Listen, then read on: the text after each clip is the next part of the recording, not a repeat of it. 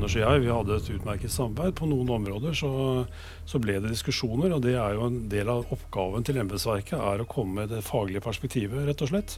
Og det er en trygghet for meg. Mm. Fordi jeg som statsråd da hadde blitt reddet fra å gjøre noen dumme ting.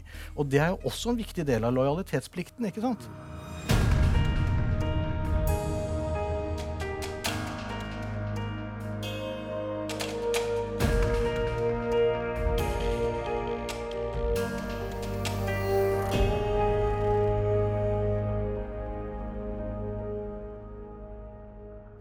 Velkommen til første episode av Godt byråkratskjønn. En podkast i seks episoder om de syv embetspliktene. I denne podkasten inviterer vi spennende gjester til å diskutere krevende byråkratiske avveininger. De syv embetspliktene er nærmere presentert i retningslinjer om forholdet mellom politisk ledelse og embetsverk, fastsatt av Kommunal- og distriktsdepartementet. Byråkratens lojalitet, i første rekke til minister eller statsråd, er naturlig nok én av de syv embetspliktene. Noen vil kanskje si den mest selvfølgelige. De seks podkastepisodene vil derfor gå nærmere inn på forholdet mellom lojalitetsplikten på den ene siden og hver av de øvrige pliktene på den andre.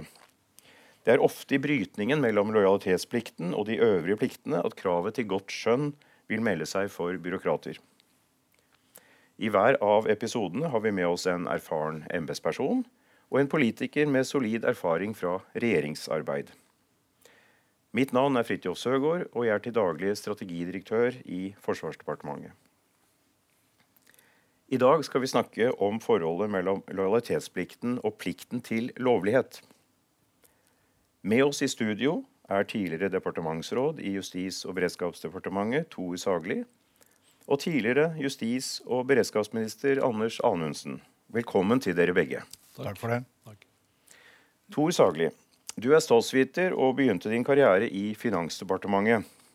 Kan du fortelle oss eh, mer om din bakgrunn? Jeg har jo jobbet som departementsråd i Justisdepartementet og i Kommunaldepartementet. Eh, jeg har også vært eh, Nav-direktør, universitetsdirektør på Universitetet i Oslo, kommunaldirektør i Oslo kommune, så jeg har hatt en lang rekke lederstillinger. Og egentlig jobbet i offentlig sektor eh, hele tiden. Akkurat nå så er jeg eh, pensjonist, og jeg kaller meg løsarbeider. Jeg har diverse utredningsoppgaver, eh, bl.a. opp til Kommunaldepartementet i dag. Jeg vet at du er stadig etterspurt som foredragsholder og inspirator vil jeg si, for alle som er interessert i, i byråkratfaget bl.a. på det fellesdepartementale byråkratprogrammet. Anders Anundsen, vi kjenner deg best som justis- og beredskapsminister i Solberg-regjeringen fra 2013 til 2016. Du er utdannet jurist. Kan du fortelle litt mer om din bakgrunn? Ja, I tillegg til å være den desidert lengstsittende justis- og beredskapsministeren i uh, Solberg-regjeringen, så uh, begynte jeg å engasjere meg som, i politikk som uh, veldig ung. Så jeg meldte meg inn i Fremskrittspartiet allerede da jeg var 14 år gammel. Eh, og har hatt uh, nesten det som fins av politiske verv i, uh, og folkevalgte verv i uh, den perioden frem til jeg ble statsråd. Og ledet også kontroll- og konstitusjonskomiteen i perioden 2009 til 2013. Og det som er det interessante der, er at du da går fra å kontrollere regjeringsapparatet, departementene og forvaltningen i den ene stortingsperioden til å lede det samme type arbeidet på motsatt side av bordet etterpå. Det var en spennende eh, endring. I tillegg så er jeg nå, da, nå er jeg da advokat eh, i advokatfirmaet Lønnum og arbeider ganske mye med bl.a. forvaltningsrett og tilsyn, og, i tillegg til selskapsrett og avtaler.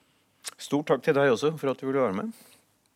I gjennomgangen av eh, lojalitetsplikten tar retningslinjene til KMD utgangspunkt i at embetsverket er regjeringens og statsrådens viktigste ressurs for å få utviklet og gjennomført sin politikk. Det er slik det står.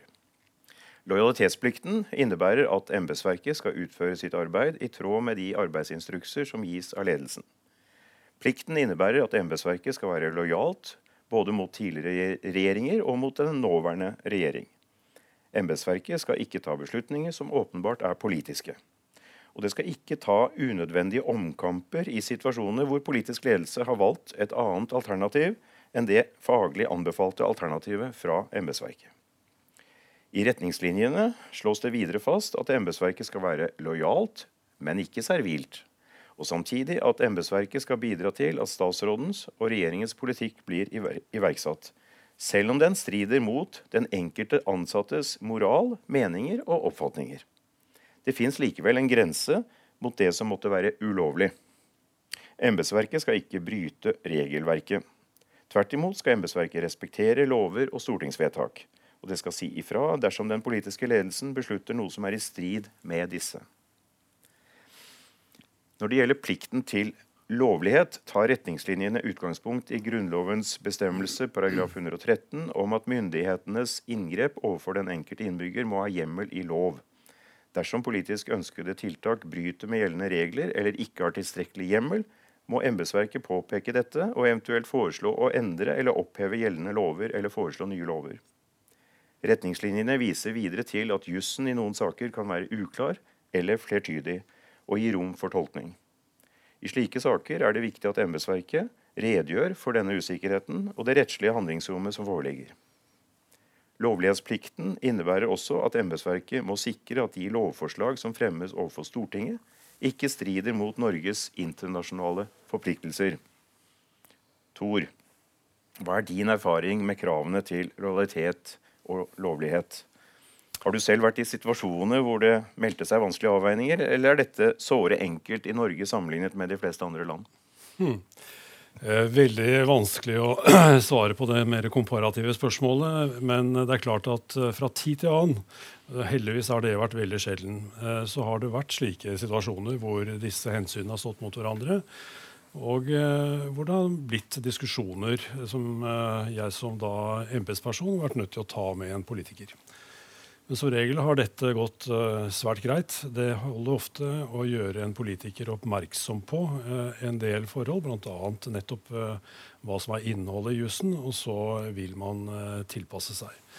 Men det kan jo gå utover politiske ønsker om f.eks. enkle initiativer man ønsker å foreta, men som krever en lengre prosess.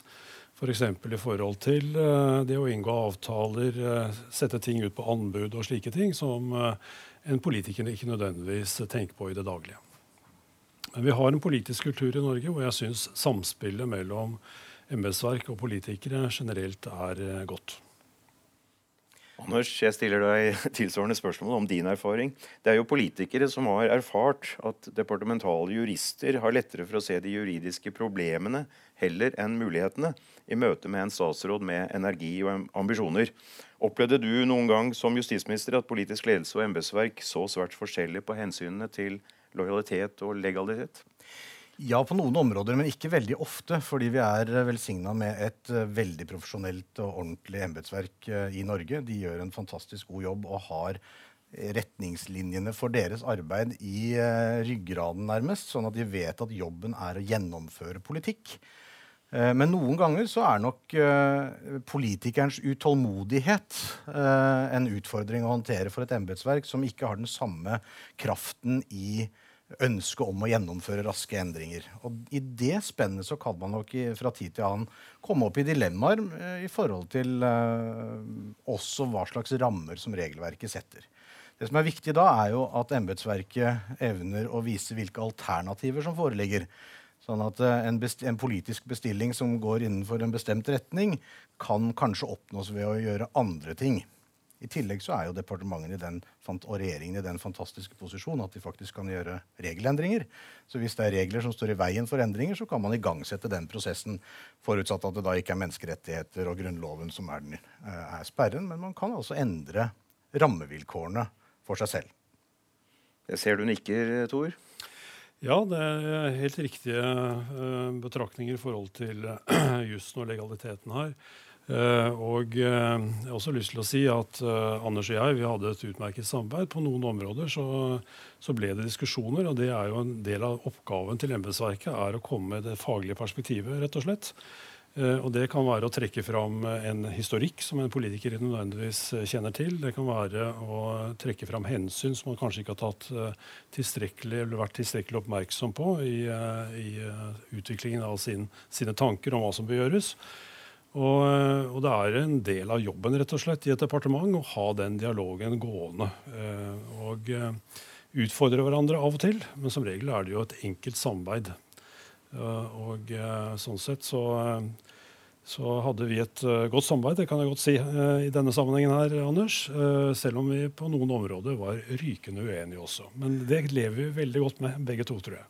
Ja, jeg mener det egentlig er en viktig forutsetning at du kan ha det høyt under taket mellom politisk ledelse og departementsråden. Departementsråden er jo, er jo, på en måte en gjennomføringskraft for statsråden. Uh, og hvis departementsråden føler at ikke han kan si ifra til uh, sin statsråd om at uh, her, her, beveger vi oss i grenseland for hva som er i orden, ja, så kommer ikke det til å fungere. For du kan få statsråder av ymse slag Eh, som har uh, politiske meninger og gjennomføringslyst i retninger som kan uh, ikke bestandig er 100 gjennomtenkt. Selv om det selvfølgelig ikke var tilfellet i vår tid, Tor. Men, men, men det, kan, det, kan, skje. Og hvis ikke du har den takhøyden i et departement hvor den fagligheten kommer frem overfor statsråden, så vil statsråden ta feil valg. Så det å ha diskusjoner, eh, det å vite at du alltid kan komme opp til en statsråd, uansett om du er departementsråd, ekspedisjonssjef eller Nå hadde, er jeg opptatt av at du skal kunne få tilgang til statsråden i veldig mange deler av forvaltningen, og så er det litt ulike oppfatninger om det, vet jeg. Men det å få den direkte kunnskapen hos statsråden er en forutsetning for at statsråden skal kunne ta de riktige beslutningene. Og Derfor er det Tor sier om diskusjoner og at vi ryke, har vært rykende uenige osv., viktig fordi det skaper bedre resultater. Og så var det jo også sånn, Selv om vi var uenige om noe, så visste jo Thor hva som var jobben, og det var å gjennomføre det statsråden sa skulle gjennomføres, etter at vi hadde hatt de diskusjonene. Mm.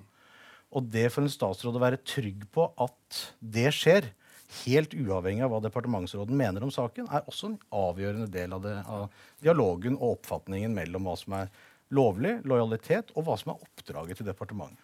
Dette er jo også en form for lojalitet overfor en statsråd. Det å kunne si fra hva som kan være krevende i en, mm. et bestemt forslag til vedtak. Rett og slett fordi eh, si, motforestillingen vil da uansett komme ut i det offentlige rom. Og det å gjøre statsråden oppmerksom på at her er det en del motargumenter som man iallfall må ha tenkt igjennom mm. og være oppmerksom på. Selv om man kan stå ved det opprinnelige eh, tanken som man da har, eh, har, fremmet. Så må man huske at en statsråd har i veldig mange departementer en veldig stor portefølje. Du kan ikke forvente at statsråden har innsikt på fagnivå på alle disse områdene. Det er helt umulig, og det er ikke statsrådens rolle heller. Og Derfor er den eh, fundamentet i lojalitetsplikten er jo egentlig å gjøre statsråden i stand til å gjøre den jobben han er satt til å gjøre på vegne av demokratiet. Og uh, den tryggheten som statsråden må ha for at han faktisk får den informasjonen, de opplysningene, det, det, faglige grunnlaget som er riktig, er kjempeviktig. Også fordi at statsråden er den som uh, står i front i Stortinget, som står i front i media. Og hvis det er feil i den fagligheten, mm. så er det statsråden som brenner for det. Og Derfor er tryggheten mellom embetsverk og stats, uh, statsråd kjempeviktig. Det er helt avgjørende for, for, at vi i det hele tatt kan ha et uh, levedyktig demokrati. Men så er det som, som, du innledet med, så er det selvfølgelig grenser for den lojaliteten. Og lovlighet og uh, rammene loven setter, er yttergrensen, på en måte. Sjelden blir det satt på spissen, men det er noen tilfeller hvor det kan være uenighet mellom en statsråd og, og for så vidt internt i fagetaten også, om hva som er den riktige juridiske fortolkningen. Og da kan man komme i noen sånne dilemmaer hvor det er noen i det samme embetsverket som har én mening om hvilken retning eller hvilke rammer som er der, mens en annen del har det motsatte. Og i det arbeidet da kan du få noen sånne dilemmaer som ikke er så åpenbare å løse. Jeg tenkte vi skulle prøve å illustrere det. Uh, gå inn i det med et par tenkte caser. De er vel å merke tenkte. Uh, men uh, begge dreier seg i denne episoden om så å si både legitime politiske behov og lovlighet. Og I det første caset er du i den tenkte situasjonen leder på høyt nivå i embetsverket. Det er brutt ut en viruspandemi, og det pågår døgnkontinuerlig krisehåndtering. Din statsråd er allerede hardt presset på flere fronter da det en dag oppdages en omega-variant av viruset hos noen høns. Flere eksperter mener at eh, denne varianten kan være den alvorligste så langt under pandemien. Noen av ekspertene tar til orde for å avlive alle landets høns. Andre påpeker at noe slikt vil kreve lovhjemmel som ikke fins. Din statsråd og ditt departement har ansvaret for å håndtere den situasjonen som er oppstått. Det gås flere runder i regjeringens pandemiutvalg, men uten at man makter å treffe en beslutning. Imens øker alvoret i situasjonen, og risikoen antas å være overhengende for at omega-varianten kan spre seg til mennesker. Under et morgenmøte i departementet informerer din statsråd om at hun har snakket med statsministeren, og at de to har besluttet at det skal sendes ut beskjed, i første omgang en pressemelding, om avliving av alle landets høns.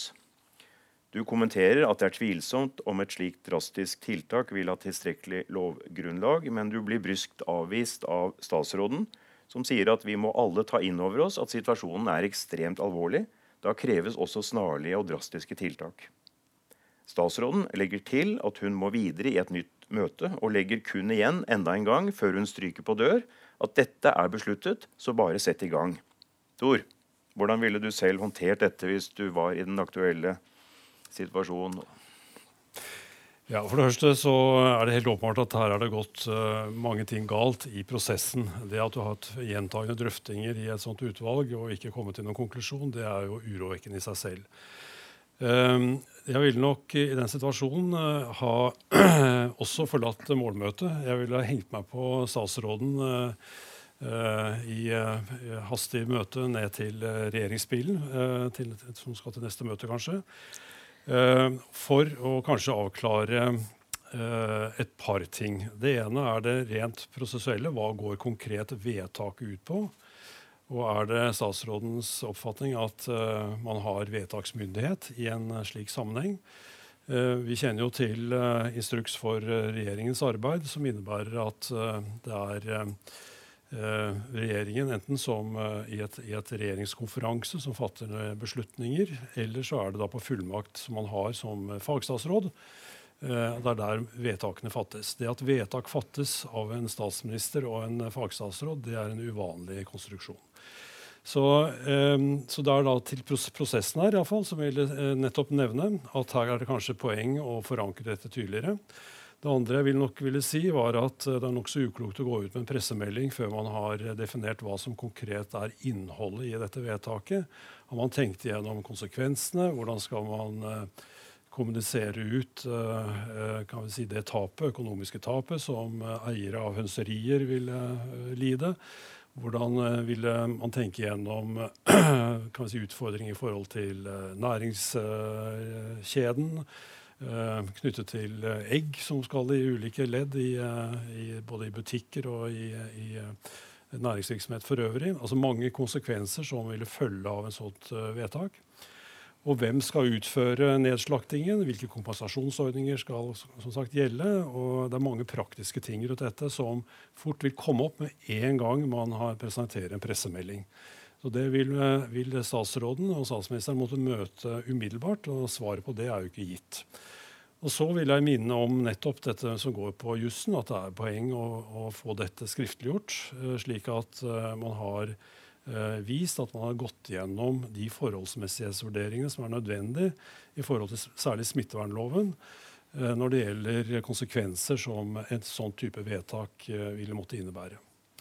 Så i den korte tiden uh, fra morgenmøtet til uh, regjeringsbilen så uh, vil jeg da si at ok, her ønsker jeg å hjelpe statsråden på den måten at uh, her er jeg nødt til å konsultere litt mer med, med regjeringsråden om måten å håndtere den type spørsmål som jeg da nevnte.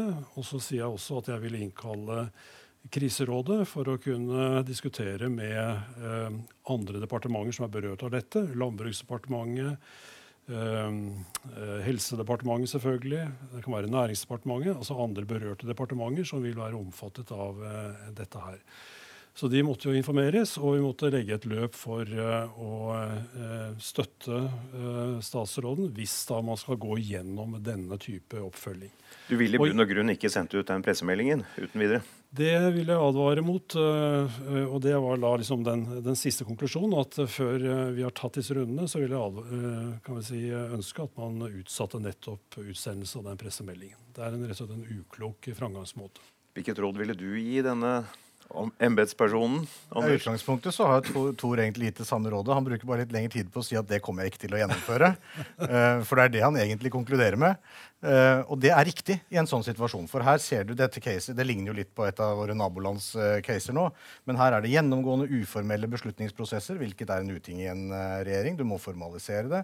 Det har ikke vært noen vurderinger av konsekvenser i forkant, og et inngrepende tiltak som dette vil være, hvor du går rett inn i den private sfæren til til mennesker, bønder. De lever av Du går rett inn i livsverket deres.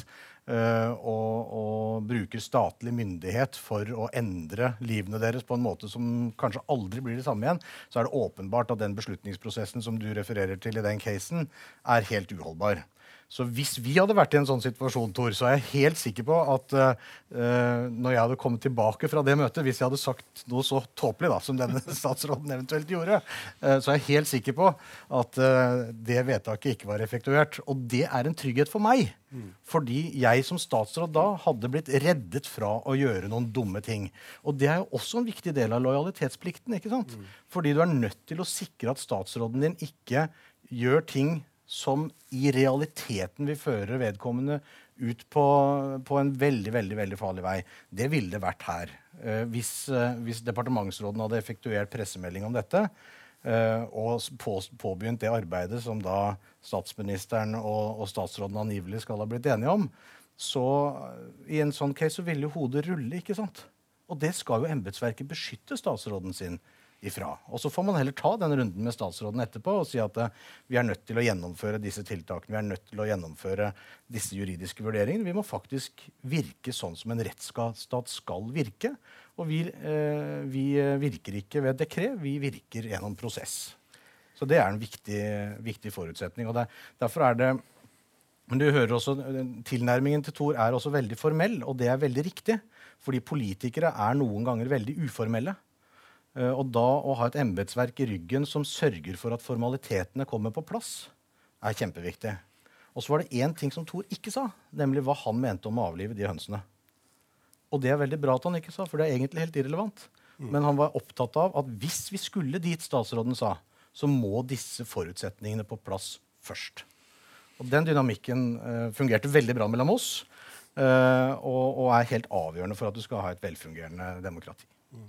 Du viste vel til mink-saken såkalt i, i, Danmark, og det er mye som illustreres av, av den. Er interessant i seg selv. I det andre caset eh, er du mellomleder i embetsverket. Eh, de du har personalansvar for, har lenge jobbet på grensen til det arbeidsmiljøloven tillater for folk som ikke er i ledende stilling. En dag kommer det et hasteoppdrag fra politisk ledelse. Du og dine medarbeidere har allerede lagt til side alle oppgaver som ikke har høy prioritet så eh, skal også hasteoppdraget utføres, kommer du ikke utenom å be noen jobbe i strid med loven. Spesielt grensen for antall timer overtid i løpet av en uke. Du vurderer å late som ingenting og satse på at det ikke blir en særlig stor sak, men velger til slutt likevel å si ifra. Din sjef svarer med å be deg og dine registrere de ekstra timene på den påfølgende uken. Anders, denne gangen spør jeg deg først. Har du et råd uh, å gi til den stakkars mellomlederen som kommer i skvis her? Ja, det som er Utfordringen med dette caset er jo at et hasteoppdrag trenger jo ikke nødvendigvis være et viktig oppdrag. Noen ganger er det det, men ikke bestandig. Og det som gjør at sånne caser blir krevende, er at du overlater på mange måter til embetsverket å prioritere mellom de prioriterte tiltakene. Og der mener jeg at en må unngå den situasjonen som her er beskrevet, ved å sørge for at en har forankra prioriteringen i politisk ledelse. Og i en situasjon hvor en faktisk ikke har kapasitet, så hjelper det ikke å eh, trå over loven og føre den kapasiteten på neste uke. Uh, neste uke blir helt sikkert like krevende og like vanskelig. Og det er et lovbrudd, og det skal man skjermes mot, både som ansatt og som leder i eh, departementet. Så mitt råd til den personen som da kom i den posisjonen, var å få en avklaring på hvilke saker som var viktigst å prioritere fra Eh, min, min, nærmeste leder, som igjen måtte ha forankret det hos politisk ledelse, sånn at en faktisk kan foreta et skifte mellom de sakene som en skal prioritere. For i et departement så er det press på viktige saker alltid. Du har et politisk nivå som skal ha leveranser hele tiden, og det er ingen som sitter i et departement og har ledig tid Eh, og hvis eh, en ikke følger de rammene som arbeidsmiljøloven loven setter, så, så, skaper du en ukultur, og du skaper fremtidige problemer. Og så belaster du også de ansatte på en måte som over tid ikke er akseptabel uansett. Sånn at det, det, er viktig å ha en struktur i departementet som gjør at man evner å prioritere hva som faktisk er viktigst. Og da må man ha en forankring oppover. Dette vil du kanskje slutte deg til eh, fullt og helt? Ja, dette var jo uh, virkelig uh, gode ord og riktige vurderinger. det som jeg kanskje også ville ha sjekket ut, da, det var om man har utnyttet de muligheter man tross alt har i arbeidsmiljøloven. Det er i noen tilfeller mulig å avtale også ytterligere kan vi si, overtid i samarbeid med, med organisasjonene. Kan man oppsummeringsvis og noe retorisk eh, konkludere med at eh, lojalitet, i motsetning til servilitet, på ingen måte står i motsetningsforhold til lovlighet. At det tvert imot eh, vil være illojalt som embetsperson å ikke gjøre hva man kan for å forhindre lovbrudd og advare mot risiko for lovbrudd. Begge? Anders? Jeg mener det er en veldig god oppsummering. Eh, og det beskytter eh, hele demokratiet vårt, og det beskytter statsråden. Og lojalitetspliktens innhold vil aldri kunne strekke seg på en sånn måte at du tror at det innebærer at du skal utføre lovbrudd. Og du, kan, du, risikerer jo selv å bli stilt til ansvar for sånne lovbrudd. Sånn at det er veldig viktig at en ikke tror at en beordring fra statsråden, uavhengig av lovrammer, gjelder. Du vil alltid kunne bli holdt ansvarlig for egne beslutninger og egne vurderinger, selv om det er statsråden som har det endelige ansvaret. Uh, og som vi var inne på i stad, hvis du advarer, hvis du ikke er tydelig på hvilke rammer som uh, statsråden må forholde seg til, ja, da bryter du etter min oppfatning lojalitetsplikten. Mm. Jeg slutter slutte meg helt til det. kanskje også strekke dette med lojalitet også at embetsverket har en lojalitetsplikt til det konstitusjonelle, altså at eh, tross alt eh, Grunnloven setter rammer også for embetsverkets måte å fungere på. Og vi skal hele tiden være oppmerksom på de eh, regler som da styrer embetsverkets eh, plikter, men også rettigheter i noen situasjoner. Mm. Det er også en lojalitet. Da gjenstår det for meg eh, kun å, å, rette en stor takk til dere to for å ha delt av deres erfaringer og, og verdifulle innsikt. Tusen takk. Vi håper og tror at det var til nytte for deg som lytter, og vi håper du vil være med oss også i neste episode av podkasten Godt byråkratskjønn.